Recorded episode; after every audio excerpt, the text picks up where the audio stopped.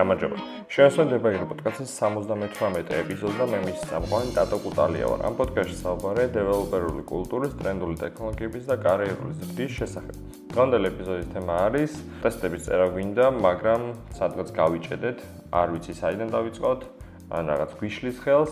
და მოდი ამ ასპექტებზე ვისაუბროთ. ტესტებზე ერთი ეპიზოდი უკვე მაქვს ჩაწერილი, 39 ეპიზოდი, რომელიც ლინკსაც დავდებ ასევე აღწერაში, შეგიძლიათ იმასაც ჩახედოთ და ნახოთ რატომ არის ავტომატიზირებული ტესტები კარგი და როგორ შეიძლება იაფიანი ტესტები ვაწარმოოთ. ფიქრობ, რადგანაც ამ ეპიზოდს უსმენ, ესე იგი რაღაცა შეგაწუხა და ფიქრობ, რომ არის უფრო მარტივი გამოსავალი, ვიდრე პირდაპირ აი კედელს შეეჯახო. და ეს არის კონკრეტულ შემთხვევაში ტესტების წერა. ანუ რაღაც ისეთ პრობლემასთან დგახარ, სადაც ხვდები, რომ ტესტების წერა უფრო მარტივი და სწორი გამოსავალი არის.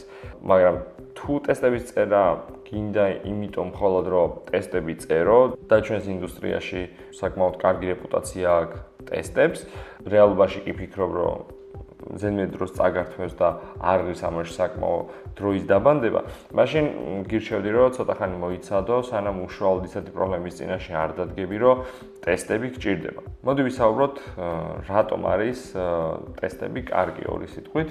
საშუალებას გვაძლევს, რომ დავფაროთ ჩვენი ბიზნეს ლოგიკა, ისეთი ნაწილი ჩვენი კოდის, რომელიც არ არის უშუალოდ პლატფორმაზე დამოკიდებული. მაგალითისთვის ისევ Android პლატფორმა ავიღოთ. ყველაზე კარგი ადგილი, სადაც შეგვიძლია unit testing-ი გავაკეთოთ, არის ჩვენი ბიზნეს ლოგიკა და არა მაგალითად ფრაგმენტები ან activity-ები ან კონკრეტულად ღილაკი როგორ იხატება, სად გამოჩნდება, სად გაქრება, ეს ყველაფერი არის უკვე UI testing-ის ნაწილი, მაგრამ ის რაც უბიძგებს რომ ეს ღილაკი ესაც გაქრეს კონკრეტულ შემთხვევაში, აი ის ნაწილი არის გასატესტი. მეორე მხრივ ეს side effect-ია, მაგრამ გვიბიძგებს უკეთესი არქიტექტურისკენ.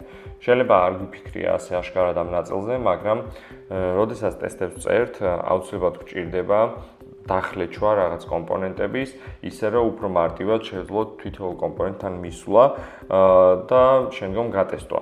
ანუ დაყავი და იბატონის პრინციპით ზუსტად. ამიტომ დროთა განმავლობაში, რაც უფრო მეტი ტესტი გვექნება პროექტში, გვაიძულებს ერთის ხრი რომ ეს არქიტექტურა ისე მოვაწყოთ პროექტში, ისე დავწეროთ ჩვენი პროექტი, რომ შესაძლებელი იყოს ამაში ტესტების მარტივად გამოყენება და მეორე ხრი უკვე მუშაობის დროს შენ თვითონ ფიქრობ რომ მოდი ახლა აი აი ასე უნდა დავწერო ეს დეპენდენცია აი ასე მივაწოდო ამ ობიექტს რადგანაც ტესტებში გამიადვილდება ამის ამოცვლა. რა ეს იმ შემთხვევაში თუ TDD-ს არ ვიყ, მოკლედ ბაგებს გვიმცირებს, რაც ცირთად ბიზნეს ლოგიკაში შეიძლება გაიპაროს და ეს არის ყველაზე დიდი მოგება, რადგანაც შემდგომ QA-ს, ან მენუალ ტესტერებს, ავტომატიზაციის ტესტერებს დაჭირებათ ნაკლები შრომა და რა თქმა უნდა შეიძლება ყველა test case კარგად ვერ დაიფაროს. ამ ბაგების აღმოჩენა აღმოჩნდება გვიან, შეიძლება აღმოჩნდეს კლიენტთან. და რაღაცა ნაწილი ამის დაჭერა შეგვიძლია თავიდანვე ჩვენ ჩვენს კომპიუტერშივე. დამეთანხმებით, რომ საკმაოდ დიდი ფუფუნება დროის ხრი და მეორე არის, რომ საერთო ჯამში უკეთეს კვალს ტოვებს პროექტის არქიტექტურაზე. დაგვიშეს ხელს პროექტში შემოსატანად. ერთი არის, რომ არ ცოდნან გამოცდილება ტესტებთან არ გვაქვს. მეორე არის, რომ პროექტი არ არის მზად ტესტირებისთვის, ძალიან ბევრი პროექტი მინახავს, რომლის არქიტექტურაც საერთოდ არ ექვემდებარება ტესტირებას და ჯერ არის წინარე სამუშაოები ჩასატარებელი, როგორც თქვი ეს დავხლიჩოთ მოდულები, კომპონენტები და შემდგომ შეიძლება უკვე ტესტების შემოტანა. და მესამე არის ხშირად, ну, რა თქმა უნდა, პროექტს გააჩენა კომპანიას, მენეჯერი ან დამკვეთი უშუალო, რომელიც ფიქრობს, რომ ტესტები დროს გართმევს და ამიტომ ტესტებში დროის დაბანდების საშუალებას არ იძლევა. ეს რა თქმა უნდა ნაწილობრივ ჩვენი ბრალიც არის, როდესაც ტესტებს ყიდით დამატებით დროდ და ვერებით რომ იცი რა მე შემიძლია ეს ფუნქციონალი დავასრულო და მეરે დაუწერო ტესტი, რომელსაც დამჭირდება კიდე ამდენი დრო.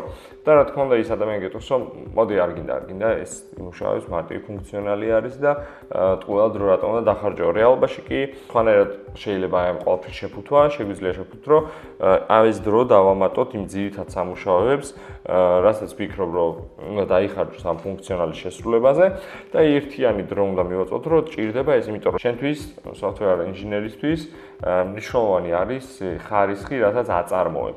ამიტომ უნდა ელოდო რაც შეიძლება ნაკლებ ბაგ რეპორტებს და თვლი რომ ხარისხიანი software არის ის რაც შენს ასე ვთქვათ სახელს აყენებს მაღლა ვიდრე ვთქვათ სხვა ინჟინერებისას.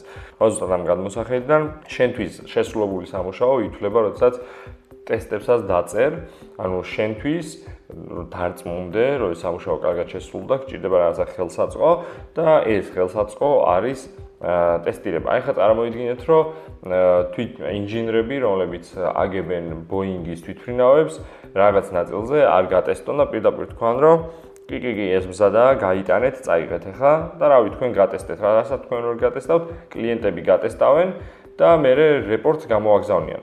მაგრამ რეპორტს ვერ გამოაგზავნიან, იმიტომ თუ გატესტეს, ესე იგი საავადმყოფო ჩამოვარდებიან. სოფტვერში გვაქვს საშუალება, რომ აი ესეთი ნაბიჯები არ გადავდგათ და ამიტომ კარგი იქნება ყოველთვის, რომ ეს ჩვენს პირად მოვალეობად მოვიაზროთ ტესტების წერა. როგორ დავიწყოთ? პირველ რიგში, რა თქმა უნდა, მოვიძიოთ ინფორმაცია და თუ არ გვაქვს ცოდნა ამ ტესტების წერის, არ ჩავსვათ თავიდანვე პროექტში იმაზე, რომელზეც მუშაობთ.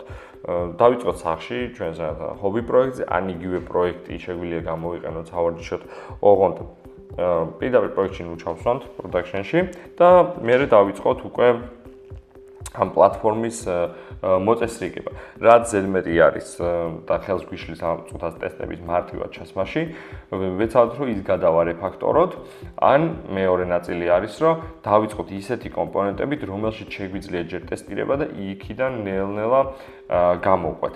როდესაც ვახსენე რომ არსებული კოდი თუ ტესტირებას ხელს არ უწყობს, ის შეგვიძლია დავარე ფაქტოროთ, ეს ძალიან ფაქიზი მოედანი არის, რომელსაც ასე და პირდაპირ დავარი ფაქტორო დავდგა და დავხლიჩო რაღაცეები, გაუმართლებელი იქნება. სწორედ ამიტომ გირჩევთ refactoring წიგნი, რომელიც წინა ეპიზოდში იყო. და ნუ მე შეგვიძლია კიდე ეპიზოდებში ვისაუბროთ რა რა გავლენა აქვს ისეთ კოდს, რომელიც უკვე production-ში არის, მაგრამ ტესტები არა აქვს და როგორ შეგვიძლია აი ამ კოდს მოვეფხრათ.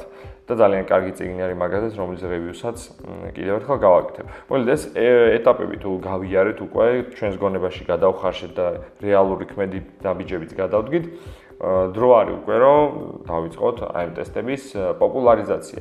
ანუ ჩვენს სხვა კოლეგებთან ერთად დავждდეთ ვისაუბროთ რატომ არის კარგი, რა დრო იხარჯება რეალურად იმ ბაგ ფიქსებში, რაც შემოდის, ანუ ზოგადად რა ბაგები ვარდება ჩვენ პროექტში და ასევე უცხეთის პლუსები, რაც მთელი კარიერის განმავლობაში თქვენი პროფესიული ზრდისთვის კარგი იქნება, როგორც ასე ვთქვათ, ტესტირების გამოცდილება. დღესთვის სულ ეს იყო, მოკლე ეპიზოდი გამოვიდა, მაგრამ მინდოდა რომ ჩამეწერა. გირჩევთ რომ გადახედოთ იმ წიგს, რომელიც გირჩიეთ, Martin Fowler-ის Refactoring-ი, რადგან გონია რომ ეგ არის ის სამაგიდო წიგნი, რომელიც ყველა დეველოპერის მაგიდაზე უნდა იყოს. წარმატებები, მომავალ შეხვედრაზე.